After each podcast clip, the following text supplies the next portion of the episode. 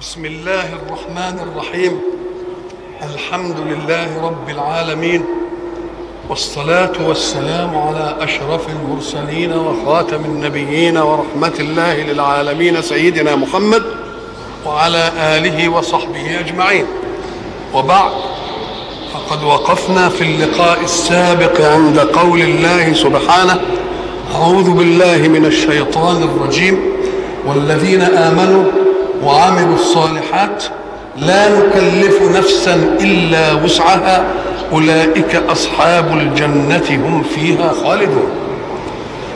وقلنا إن الكلام عن أصحاب الجنة الذين جوزوا على عملهم الصالح جاء بعد أن تكلم الحق عن أصحاب النار لأنهم لم يعملوا عملا صالحا ولم يدخلوا في حيز الإيمان.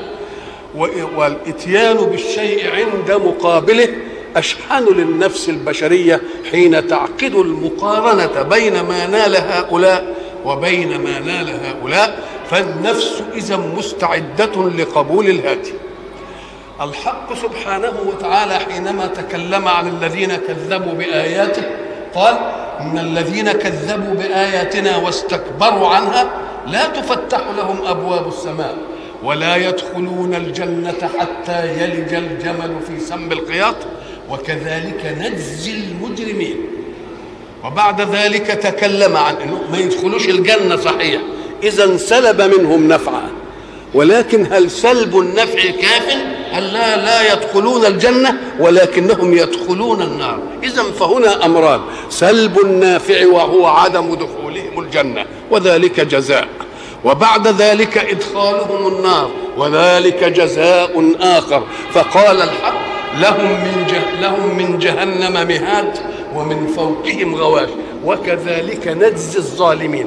في الأولى قال وكذلك نجزي المجرمين. وهنا قال وكذلك نجزي الظالمين. فكأن الإجرام كان سببا في أن لا يدخلوا الجنة والظلم كان سببا في أن يكون لهم في النار. من فوقهم غواش ومن تحتهم غواش فناسب بعد تلك الشحنة التي تكرهنا في أصحاب النار وفي تصرفهم التكليفي اولا بسبب بشاعة جزائهم ثانيا أن نتلهف على المقابل. فتكلم الحق عن المقابل وقال والذين آمنوا وعملوا الصالحات لا نكلف نفسا إلا وسعها. أولئك أصحاب الجنة هم فيها خالدون. وقلنا إن قول الحق سبحانه وتعالى لا نكلف نفسا إلا وسعها جاء بين المبتدأ والخبر كلام اعتراضي لأن الأسلوب والذين آمنوا وعملوا الصالحات نعمل فيهم إيه؟ أولئك أصحاب الجنة هم فيها خالدون طب كيف جاءت لا نكلف نفسا إلا وسعها بين الإيه؟ بين العمدتين وهما المبتدأ والإيه؟ والخبر لأن حينما نسمع والذين آمنوا وده عمل قلبي وعمل الصالحات ده عمل جوارحي. يبقى فيه سلوك عقدي إيماني وفيه إيه؟ انقياد إسلامي. الانقياد الاسلامي إن كان السلوك الإيماني سهل في الاعتقاد فإن مشاق التكاليف في الأعمال الصالحة ربما تكون عسره فقال لهم أوعوا تفتكروا إنني بقول ذلك لأنني كلفتكم فوق طاقتكم. أنا لا أكلف إلا ما في الوسع فإياكم أن تفهموا أن قولي والذين آمنوا وعملوا الصالحات هيبقى فيها تعب عليكم. ليه؟ لأن المشرع والمشرع إنما يضع التكليف في مقدار وسع المكلف. ونحن في حياتنا العملية نصنع ذلك. المهندس الذي يضع أي آلة يقول دي قوتها قد إيه؟ قوتها كذا حصان. يعني لا تحملها فوق طاقتها وإلا ما تفسد بقى إذا كان الصانع من البشر لا يكلف الآلة الصماء فوق ما تطيق. يبقى الذي خلق البشر يكلفهم فوق ما يطيقون؟ محال أن يكون ذلك. محال أن يكون ذلك. اذا فيجب ان ان أن نوصد الباب أمام الذين يحاولون أن يتحللوا من التزامات التكليف عليهم. فيقول لك لا مش في وسعي أعمل العملية دي. لا لا تعلق الحكم على وسعك أنت ولكن علق الوسع على تكليف الله. أكلف أو لم يكلف. فإن كان قد كلف فاحكم بأن ذلك في الإيه؟ في الوسع. والدليل على كذبك أنك تريد إخضاع الحكم للوسع أن غيرك يفعل ما لا تريد أن تفعله.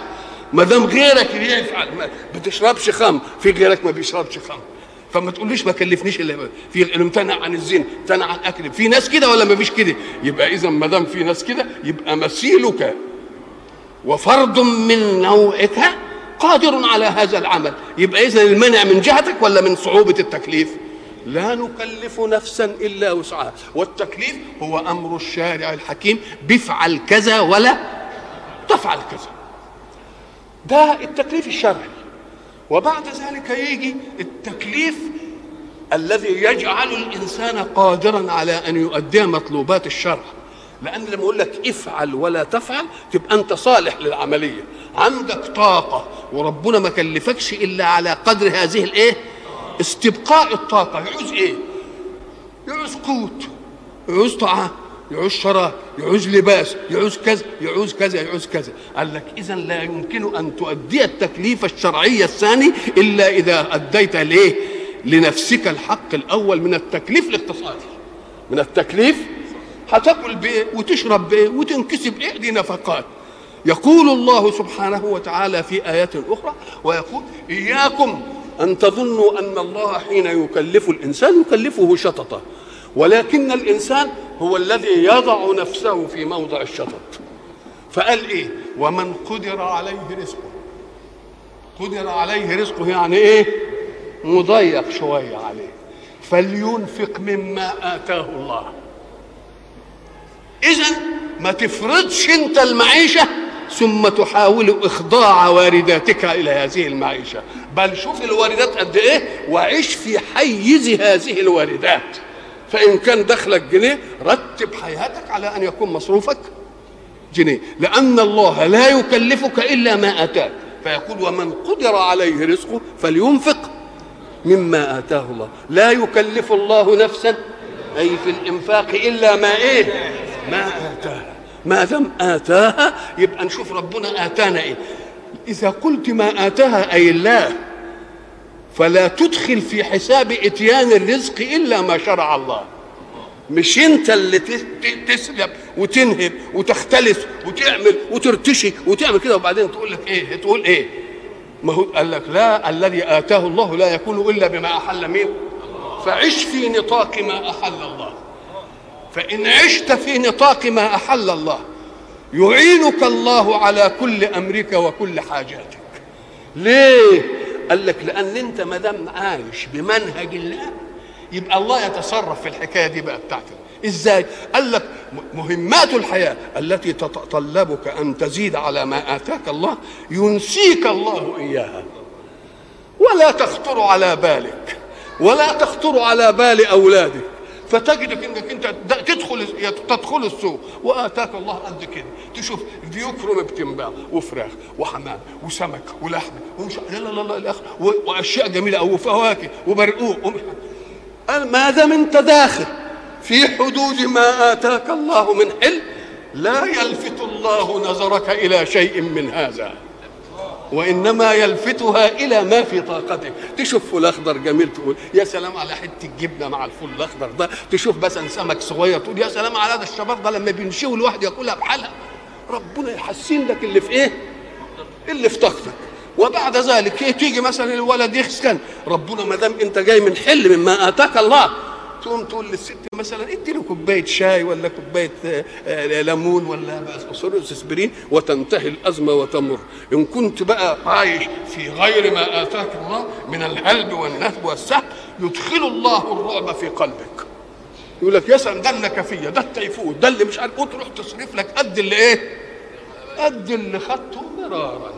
اذا لا يكلف الله نفسا إلا ما آتاه. وما دام هو اللي هيؤتي اذا لا يحرك شهوات النفس إلا في قدر ما آتاك الله. يبقى أنا بقى اللي بفرض أنا الإيه؟ اللي بفرض. وطمني بقى. قال اوعى تفهم أن بعض خلق الله يعيشون كده في في سعة الرزق والبعض يعيش دايما في تقدير الرزق. لا إن تقدير الرزق له حكم. إيه ليه حكمته إيه؟ قال لك لأن لما يكون الرزق ضيق لا تستنكف أن تعمل أي عمل لتقوت عيالك. تقوم كل الأعمال في الحياة إيه؟ تمشي. طب ما كنت ربنا موسع عليك رزق زي ما قلنا مين يبقى يكنس لنا الشوارع؟ مين يصلح لنا البلاعة بتاعة البكابور مين اللي يقعد يخسف لنا النعل عشان يركب لدي مش عارف إيه وبتاع؟ مين يعمل؟ إن ما كانش مطلوب لبطنه ولبطن أولاده ما كانش عمل دي. يبقى تقدير الرزق له حكمة ولا لا؟ عشان دولاب الحياة إيه؟ دولاب الحياة لكن أيظل الأمر كذلك ألا من احترم من احترم قدر الله في إتيانه الرزق وعاش في نطاق ما آتاه الله يقول له اسمع مش هتمر الحكاية كده أنت دور بس بت... هي بتؤديه في الحياة وبعد ذلك سيجعل الله بعد عسر يسرا يشتغل سيجعل الله بعد عسر. وانظروا أنتم كل ينظر كل واحد إلى المحيط اللي عايش فيه ويشوف ناس عايشين على قد ربنا ما إيه. انت تقعد تتعجب؟ يا أخويا رب العيال دي إزاي؟ طب عايش إزاي؟ طب عامل إزاي؟ تقول له ما أنتش عارف. ما هو ربنا سالب عنه مصارف سوء. ومعيشه كده 24 قراء فإن رضي بذلك ولم يتأبى على القدر ولم يحقد ولم يضغن على موسع عليه يقول له ربنا أنت أديت دورك بقى. طب خد بقى الرزق. تشوف الناس اللي عملوا دول تلتقي نهاية حياتهم إيه؟ كل العصامين اللي أنت بتشوفهم كان مضيق عليهم رزق بس ما استكبروش على الحياة. اللي اشتغل شيال اشتغل شيال واللي اشتغل مش عارف إيه اشتغل إيه واشتغل إيه وقعد صابر كده وبياخد من حلال يقوم ربنا يقول له طب خد بقى خد بقى أنت أديت دورك. خليك بقى أنت خد بقى السعادة. ولذلك تجدهم كلهم إيه؟ سعداء وأسعدوا مين؟ وأسعدوا الغير. هنا لا نكلف نفسا إلا وسعها أي في التكليف الشرعي. ولا يكلف الله نفسا إلا ما إيه؟ ما أتاها دي لإيه؟ لاقتصاديات مين؟ لاقتصاديات الحياة. أولئك أصحاب الجنة. وقلنا أصحاب يعني هو ما يفرق ما يفرقهاش زي الصاحب ما يعشق إيه؟ صاحبه. يبقى أنت عايزه هو عايزك والجنة تتطلبك وأنت متطلب للإيه؟ وأنت متطلب للجنة. وحياة بخلود. وما فاتك من متع الحياة الدنيا ما كانش بخلود. يبقى نقول اللي اكسب لأنك أنت إن كنت في الدنيا هتخاف لا لا تموت وتسيب النعمة. طب وما ما موتش تسيبك النعمة يا سيدي وتفتكر. مش بيحصل كده وبنشوف ولذلك وجود الأغيار في الدنيا لفت لقضايا الله في كونه. صحيح ويبقى مريض غني ويبقى إيه؟ فإن الله الله الله. ليه؟ أم قال لك عشان تفهم أنك ابن أغيار. ما فيش حاجة ليك ذاتية وإلا لو كانت ليك حاجة ذاتية كنت تحافظ عليها. تبقى كلها إيه؟ إذا ربنا بيعدل إيه؟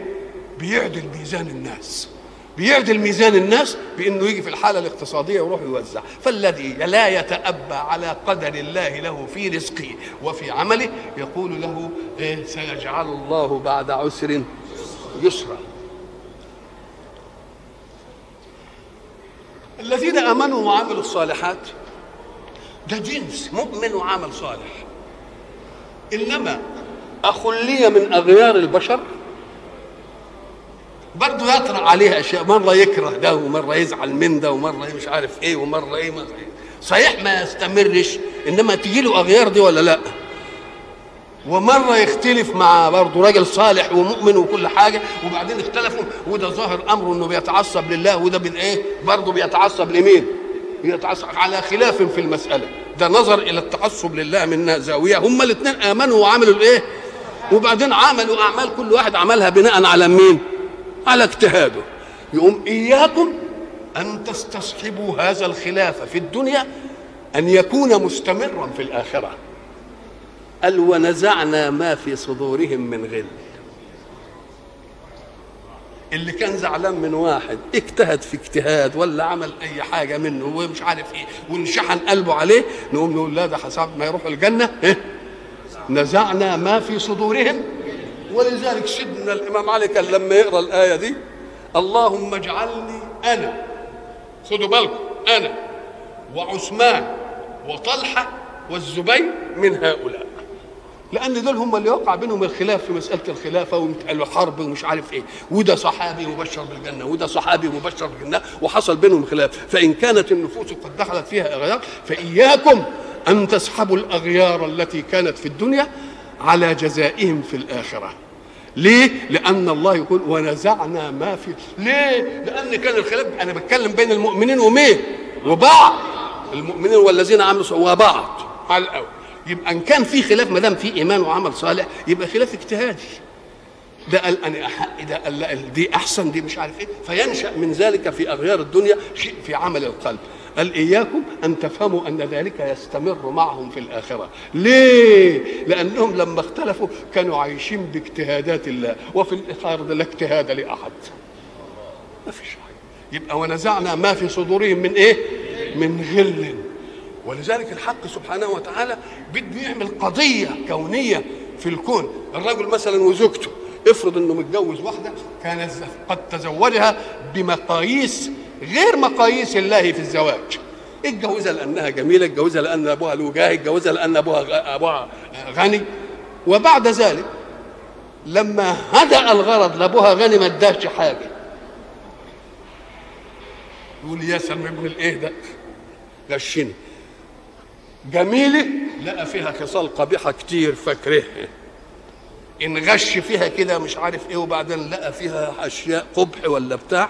يقوم يقول له والله ما دمت أخذتها بمقاييس الله. القبح ده إياك أن تسحبه على الآخرة. اوعى تقول ده هتجيني تاني في الآخرة. بقى أنا عرفت منها في الدنيا. إزاي تجيني في الآخرة وإزاي؟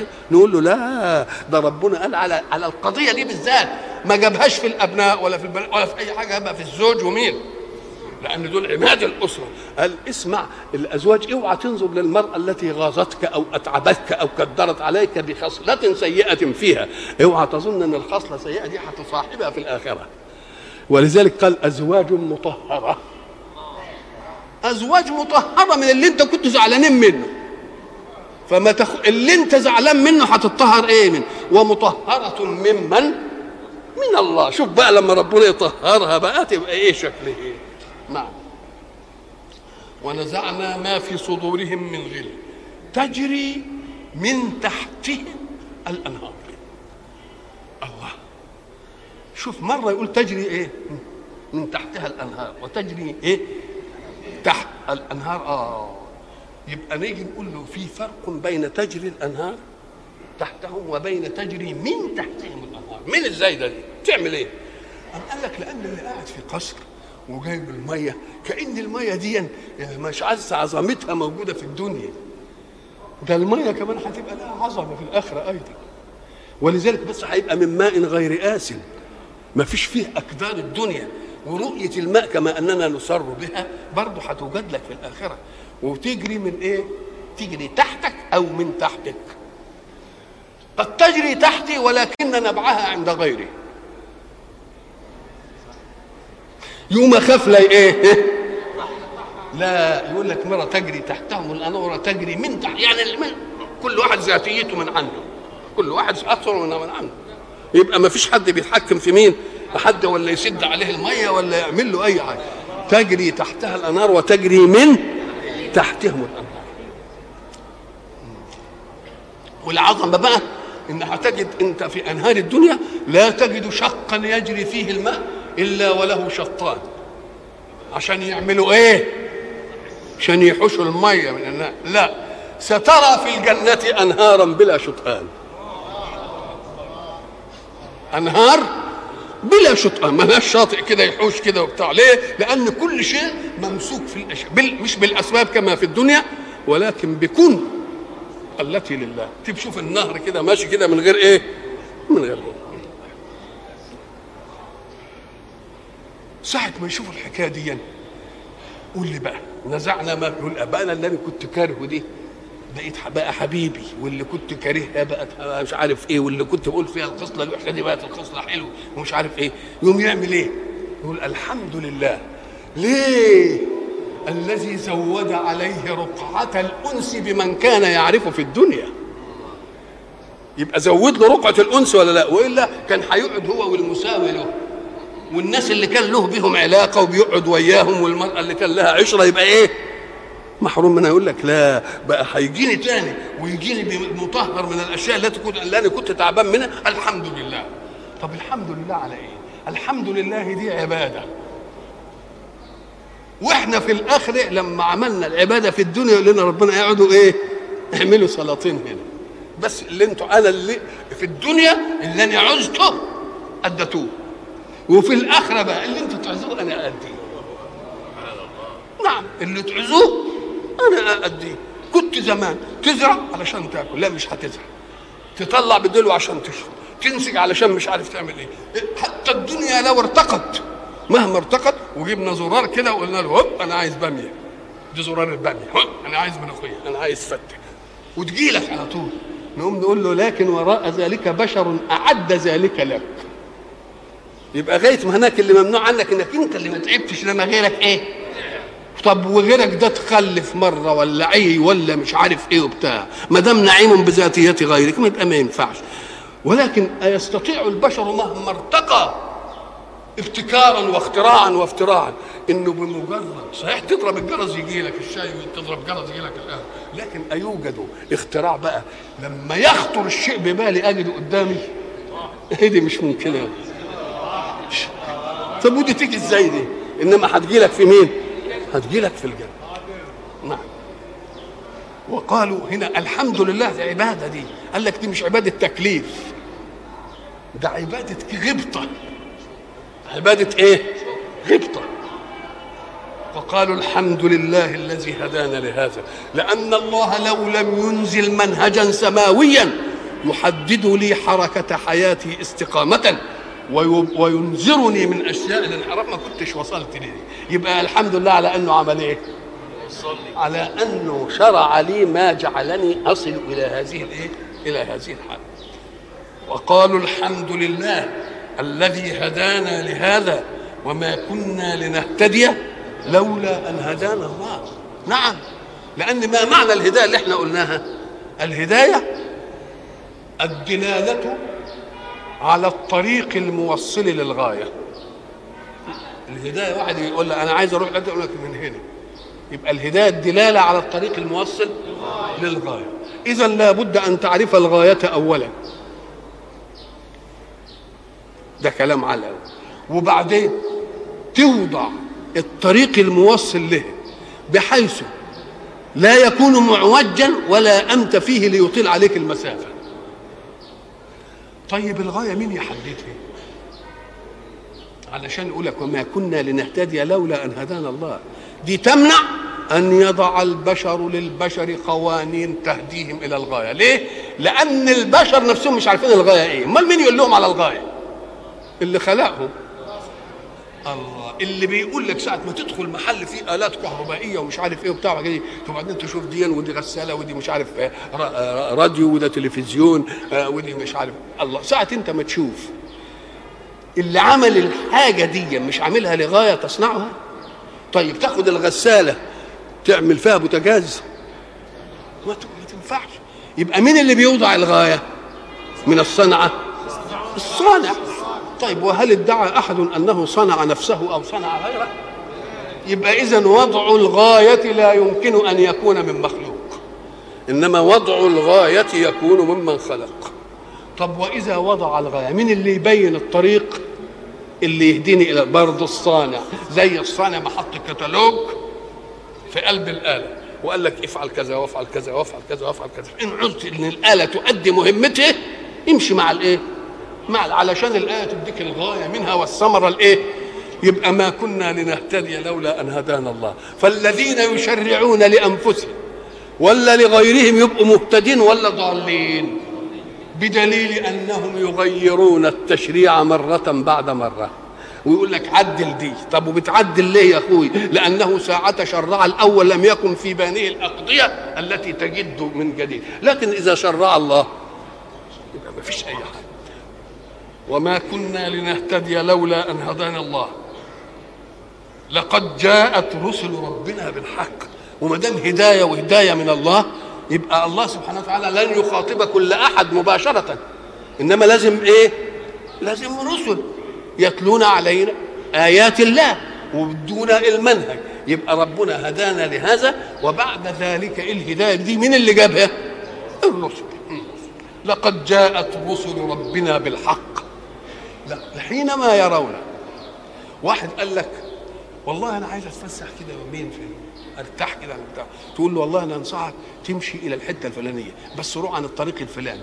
هتروح الصبحية تلاقي محطة كويسة تقعد تفطر فيها وتشرب فيها مثلا قهوة. وبعدين لما تمشي شوية الظهر هتلاقي مثلا مطعم كويس ومش عارف إيه ده وهتلاقي مش عارف فواكه تشتريها وتروح تنزل بقى في فيلا هناك جميلة والمعايش تبقى مش عارف إيه ومعايش إيه؟ عال قوي قال لي كده غيبا ثم صدقته.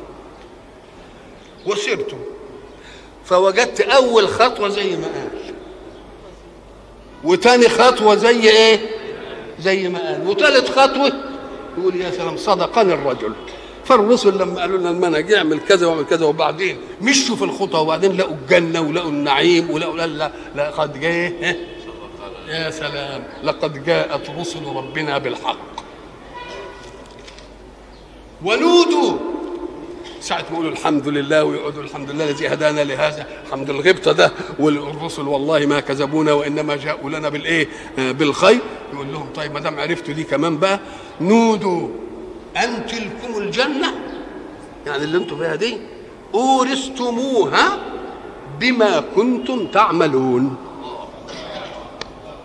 الله. إيه يعني عايز يقول إيه؟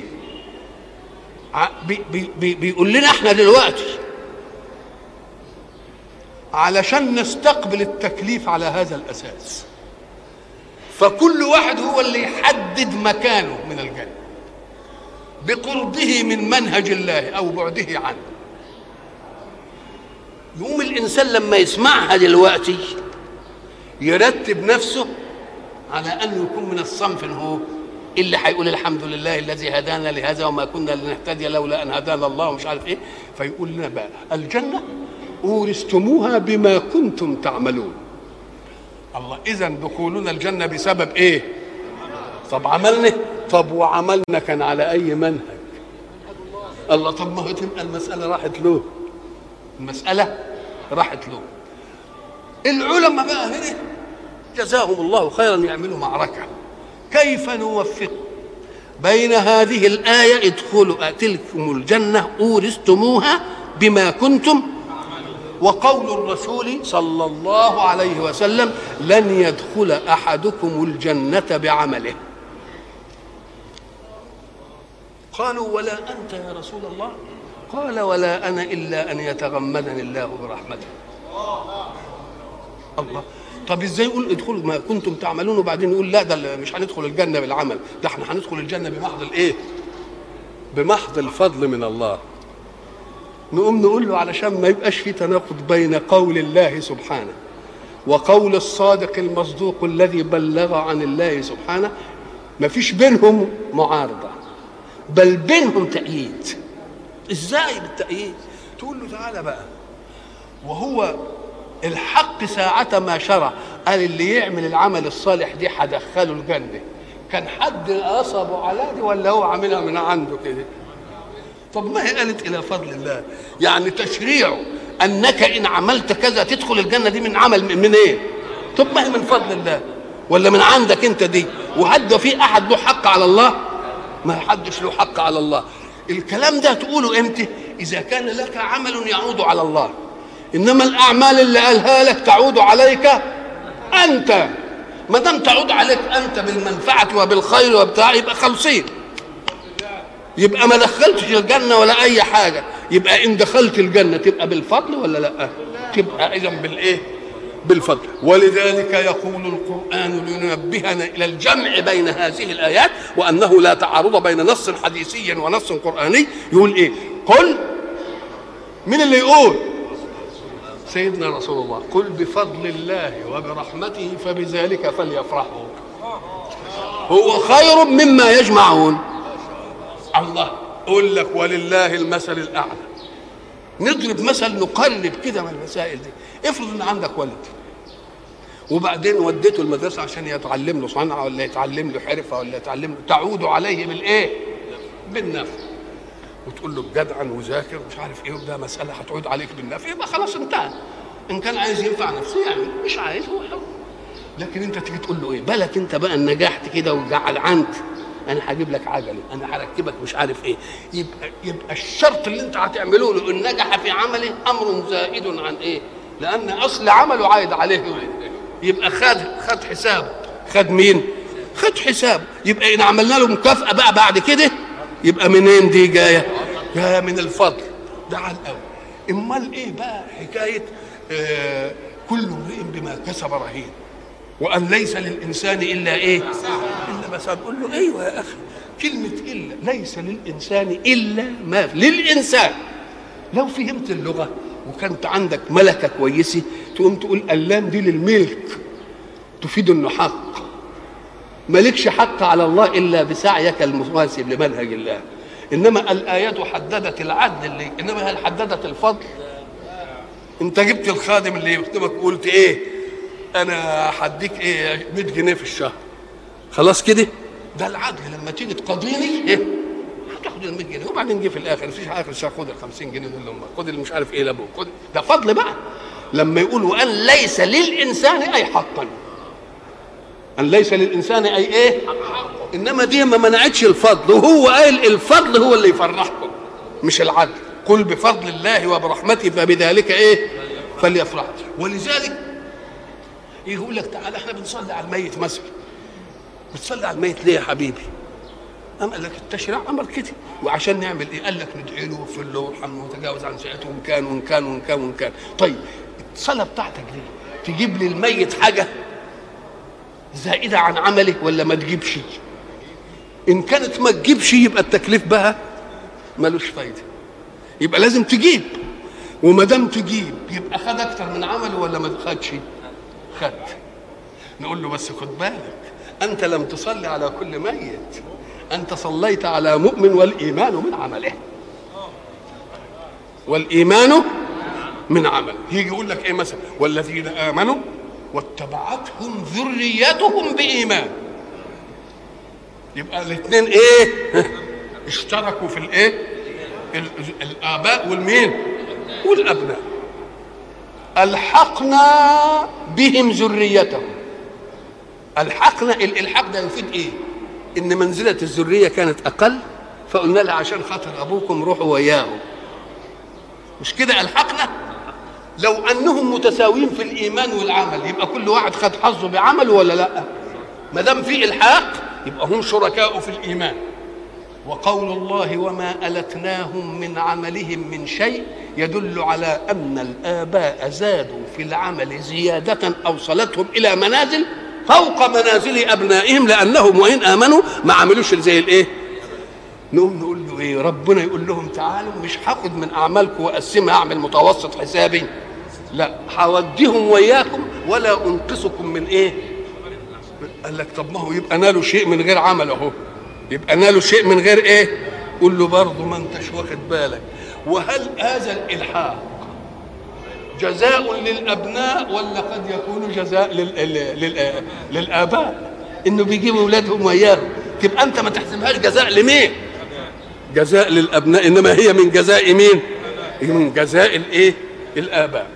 وأيضا فإن الأبناء إذا اشتركوا مع الآباء في الإيمان ودكهم زادوا عليهم في العمل من من الأعمال إنه ما يرزقهمش إلا حلال ولا يربيهم إلا على منهج الله ويبقى غيره أولاد أولاد جاره عمالين بي بيلبسوا اللبس الفاخر وبياكلوا الأكل الطيب وهو يا دوب على قد إيه؟ على قد حاله تبقى الأبناء تحملوا التزام آبائهم بالعمل ولا لا؟ تحملوا. وبقى محروم وبقى ما عندوش وبقى دي مش عارف إيه. طيب ما هو يبقى لازم الجزاء بقى نقول له تعالى اللي فات عليك خده. تعالى نعوضه لك بقى. يبقى لهم عمل ولا ما لهمش عمل؟ يبقى لهم عمل. ونودوا أن تلكم الجنة أورثتموها بما كنتم تعملون. أورثتموها؟ إحنا زي ما قلنا إيه؟ أولئك هم الوارثون الذين يرثون الإيه؟ الفردوس هم فيها خالدون. قلنا كلمة الإرث دي تدل على إن كان في حاجة وبعدين إيه؟ قالت إله نقول لك آه لأننا قلنا سابقا أن الله حينما قدر أن يخلق خلقه عارف الخلق من يوم آدم وإن كان بقانون نواميسي عارف هيبقوا قد إيه؟ كفى بالله حسيبا. فعمل لكل واحد جنة لأنه افترض أن كل من يخلقه يؤمن به. وافترض أيضا أن كل من يخلقه يكفر به. فعمل على عدد الخلق جنان وعلى عدد الخلق إيه؟ عشان ما نقولش أزمة مش عارف إيه وخد احشر ده وياه المسألة كده مترتبة. كله له جنة وكله له نار. اذا إن آمنا كلنا لن يضيق بنا واسع الجنة. والعياذ بالله إن كفروا جميعا لن تضيق بهم النار. فإذا كانوا جماعة هيدخلوا الجنة بالعمل طب أماكن أهل النار تروح فين؟ يروح ربنا موزعها تاني على مين؟ على المؤمنين. يبقى ورثتم من لم يستحقها. ان تلكم الجنة أورثتموها بما كنتم تعملون. اذا كلام في الجنة وكلام في الجزاء وكلام في الحمد الغبطة وكلام ما كنا لنهتدي. ده كلام كله فين في عهد الجنة. ناسب أن يتكلم الحق سبحانه وتعالى عن الجنة. ونادى أصحاب الجنة أصحاب النار. أن قد وجدنا ما وعدنا ربنا حقا. فهل وجدتم ما وعد ربكم حقا؟ شو التبكيت بقى؟ نادى كأنهم بيتراءم. قال لك أيوه ده الترائي ده من ضمن النعيم ومن ضمن الجحيم. إزاي؟ قال لك لأنك أنت لما تشوف الذي خالفك في منهج الله وعاداك وأذاك وإلى آخره. عمال في النار كده وأنت في الجنة دي من من تمام من تمام اللذة. ودك لما يشوف اللي كان مخالفه وكان مش عارف في الجنه يبقى من تمام الإيه؟ إذا لابد أن يتراءوا فما دام هيتراءوا يبقى يحصل بقى إيه؟ نادى أصحاب الجنة أصحاب النار. إحنا وجدنا ما وعدنا ربنا حقا وعدنا الجنة عملنا. وأنتم بقى هل وجدتم ما وعد ربكم حقا؟ نلاحظ إن في خلاف بين الأسلوبين. مع أن السياق المنطقي واحد. طب هم بيقولوا إحنا وجدنا ما وعدنا ربنا حقا. كان يقول فهل وجدتم ما وعدكم ربكم حقا؟ إنما ما جابش الكاف دي. ما وعد بس. لأن المراد أن يلفتهم إلى مطلق الوعد مش اللي خاص بهم بس واللي خاص بالمقابل. ادي إحنا في الجنة. يبقى لما يقول وعدكم كان وعدهم النار. لا ما وعد مطلق يعني اللي للجنة خد مش عارف إيه واللي للجنة إيه ولا مصلحه يبقى إذا الكاف دي شوف جاية تعمل إيه؟ اهو اهو السياق كده. يمكن في ال... الواحد منا لما بيبقى يجي يقرأ مثلا كده هو في الكلام العادي من غير ذهنه يكون متنبه يقوم يقول لك إيه؟ آه وجدنا ما وعدنا ربنا. حقا فهل وجدتم ما وعدكم ربكم إيه؟ يقول له لا ده ما قالش؟ آه. نقول ما ما وعدكم ما قالش ما وعد. علشان القرآن ما ناخدوش كده على انه يعني ده حرف يتوجد ولا يتوجدش هنا. علشان تعرف إنه نازل بحكمة ووصلنا بحفظ. وإلا في السياق ما كانش يجيب الايه؟ ما كانش يجيب المعنى. قالوا نعم. ليه؟ لأن المكابرات إنما تحدث بين الخصمين في غير المشهد. وهم في الدنيا قبل ما يوجد المشهد يختلفوا ويقول لك لا دي ودي ودي, ودي. إنما ده الحكاية باينة. خلاص ده مش ما مسألة مش إيمان بقى ده مسألة إيه؟ بقت مشهد قدامك أهو. يقوموا يقولوا إيه؟ نعم. قالوا نعم. ما دام قالوا نعم يقوم يؤذن مؤذن. المؤذن ما أذنش إلا بعد ما أقرهم عشان يبقى الأذان في محط وأذن مؤذن بينهم أن لعنة الله على الظالمين. الظالمين لمين؟ قال لك ده باين كانوا زمان بيظلموا غيرهم. إنما دلوقتي تبين إنهم ظلموا مين؟ ظلموا أنفسهم. وذلك أبشع أنواع الظلم. الذين يصدون عن سبيل الله. ويبغونها عوجا. وهم بالآخرة كافرون. يصد عن سبيل الله. يبقى هو امتنع عن سبيل الله وصد إيه؟ يبقى هو ضل في ذاته. وبعدين أضل مين؟ ويبغونها عوجا. يطلبون منهج الله معوجا. يقول لك يا سلام هتش هتقتل هتقطع إيد السارق. يا هو ده من الكلام. قال دي ما يصحش. دي ما عوجة دي. طب بيعملوها عوجة عشان إيه؟ عشان ينفروا الناس عن منهج الله. عشان ينفروا الناس عن منهج الله. يبقى يبغونها يطلبونها معوجة. عشان يقولوا للناس آدي الدين يا إخوان اللي أنتم بتقولوا عليه. يقوم اللي كده ضعيف يقوم ينصرف على الدين. يبقى صدوا عن سبيل الله وطلبوا إيه؟ وطلبوا العوج فيما شرع الله لينفروا الناس عما شرع الله. وهم بالآخرة كافرون. لأن دي أصل القضية هي كده. لأن ده كل ده نشأ على أنه كافر بالآخرة. وإلا لو كان مؤمن بالآخرة وأن له مرجع ومرد إلى الإيه؟ إلى الله ما كانش يعمل الإيه؟ الحكاية. وبينهما حجاب. بين مين ومين؟ أصحاب الجنة وأصحاب النار. إذا هم يتراءون. ولكن بينهم وبين إيه؟ الحجاب بينت سورة الحديد. أعوذ بالله من الشيطان الرجيم. يوم يقول المنافقون والمنافقات للذين آمنوا انظرونا نقتبس من نوركم. قيل ارجعوا وراءكم فالتمسوا نورا. النور مش هنا يا اخويا تاخده دلوقتي. النور كان إمتى؟ كان زمان. ارجعوا وراءكم فالتمسوا نورا. فضرب بينهم بسور له باب. باطنه فيه الرحمة اللي ناحية أهل الجنة. وظاهره من قبله.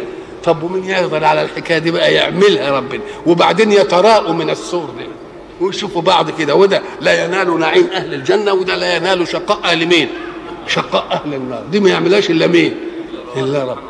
قيل ارجعوا وراءكم أي أنكم تلتمسون الهدي في غير موطن الهدي. الهدي زمن التكليف انتهى. اللي عايز نور كان يعمله إمتى؟ من زمان. والنور ليس هبة من خلق لخلق وإنما هو ب... هو هبة من خالق لمخلوق آمن به. أنتوا بتقولوا آه انظرونا نقتبس من نوركم. هو إحنا هنعمل على إيه نعمل إيه إحنا اللي نديكم طب إحنا أهل عطاء دلوقتي؟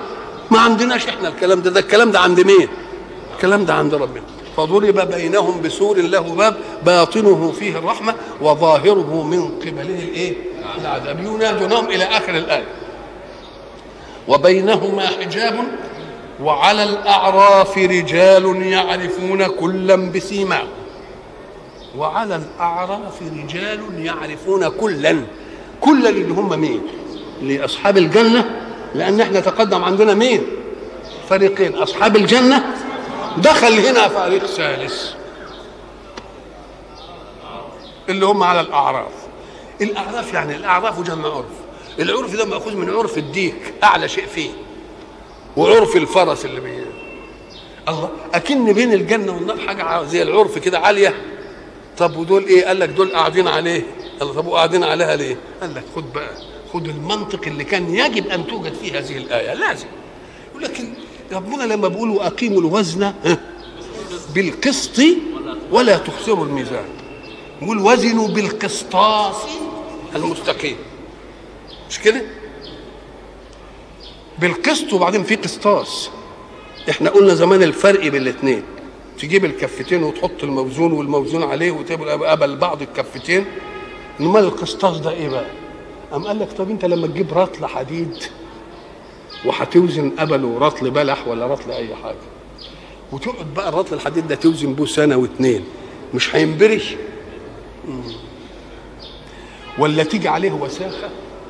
إن جت عليه وساخة يبقى بقى زائد. إن انبرئ اوعى تقول هينبري من إيه وأنا ماسك مبرد. يقول له يا أخي ده حاجة بسيطة. امسك أكرة الباب. الأكرة اللي بتتمسك كل ساعة وبقية الحلق اللي من النحاس ده. تقوم تلتفت تلاقي الأكرة دايما إيه؟ بتلمع من إيه؟ أنت في ظاهر الأمر حين تلمس ما خدتش حاجة محسوسة إنما أنت اخذت بالفعل. بس جزء لا يتجزأ. بتوالي الأشياء تأخذ النهارده النهار. يبقى اذا كل يوم بتنقص ولا لأ؟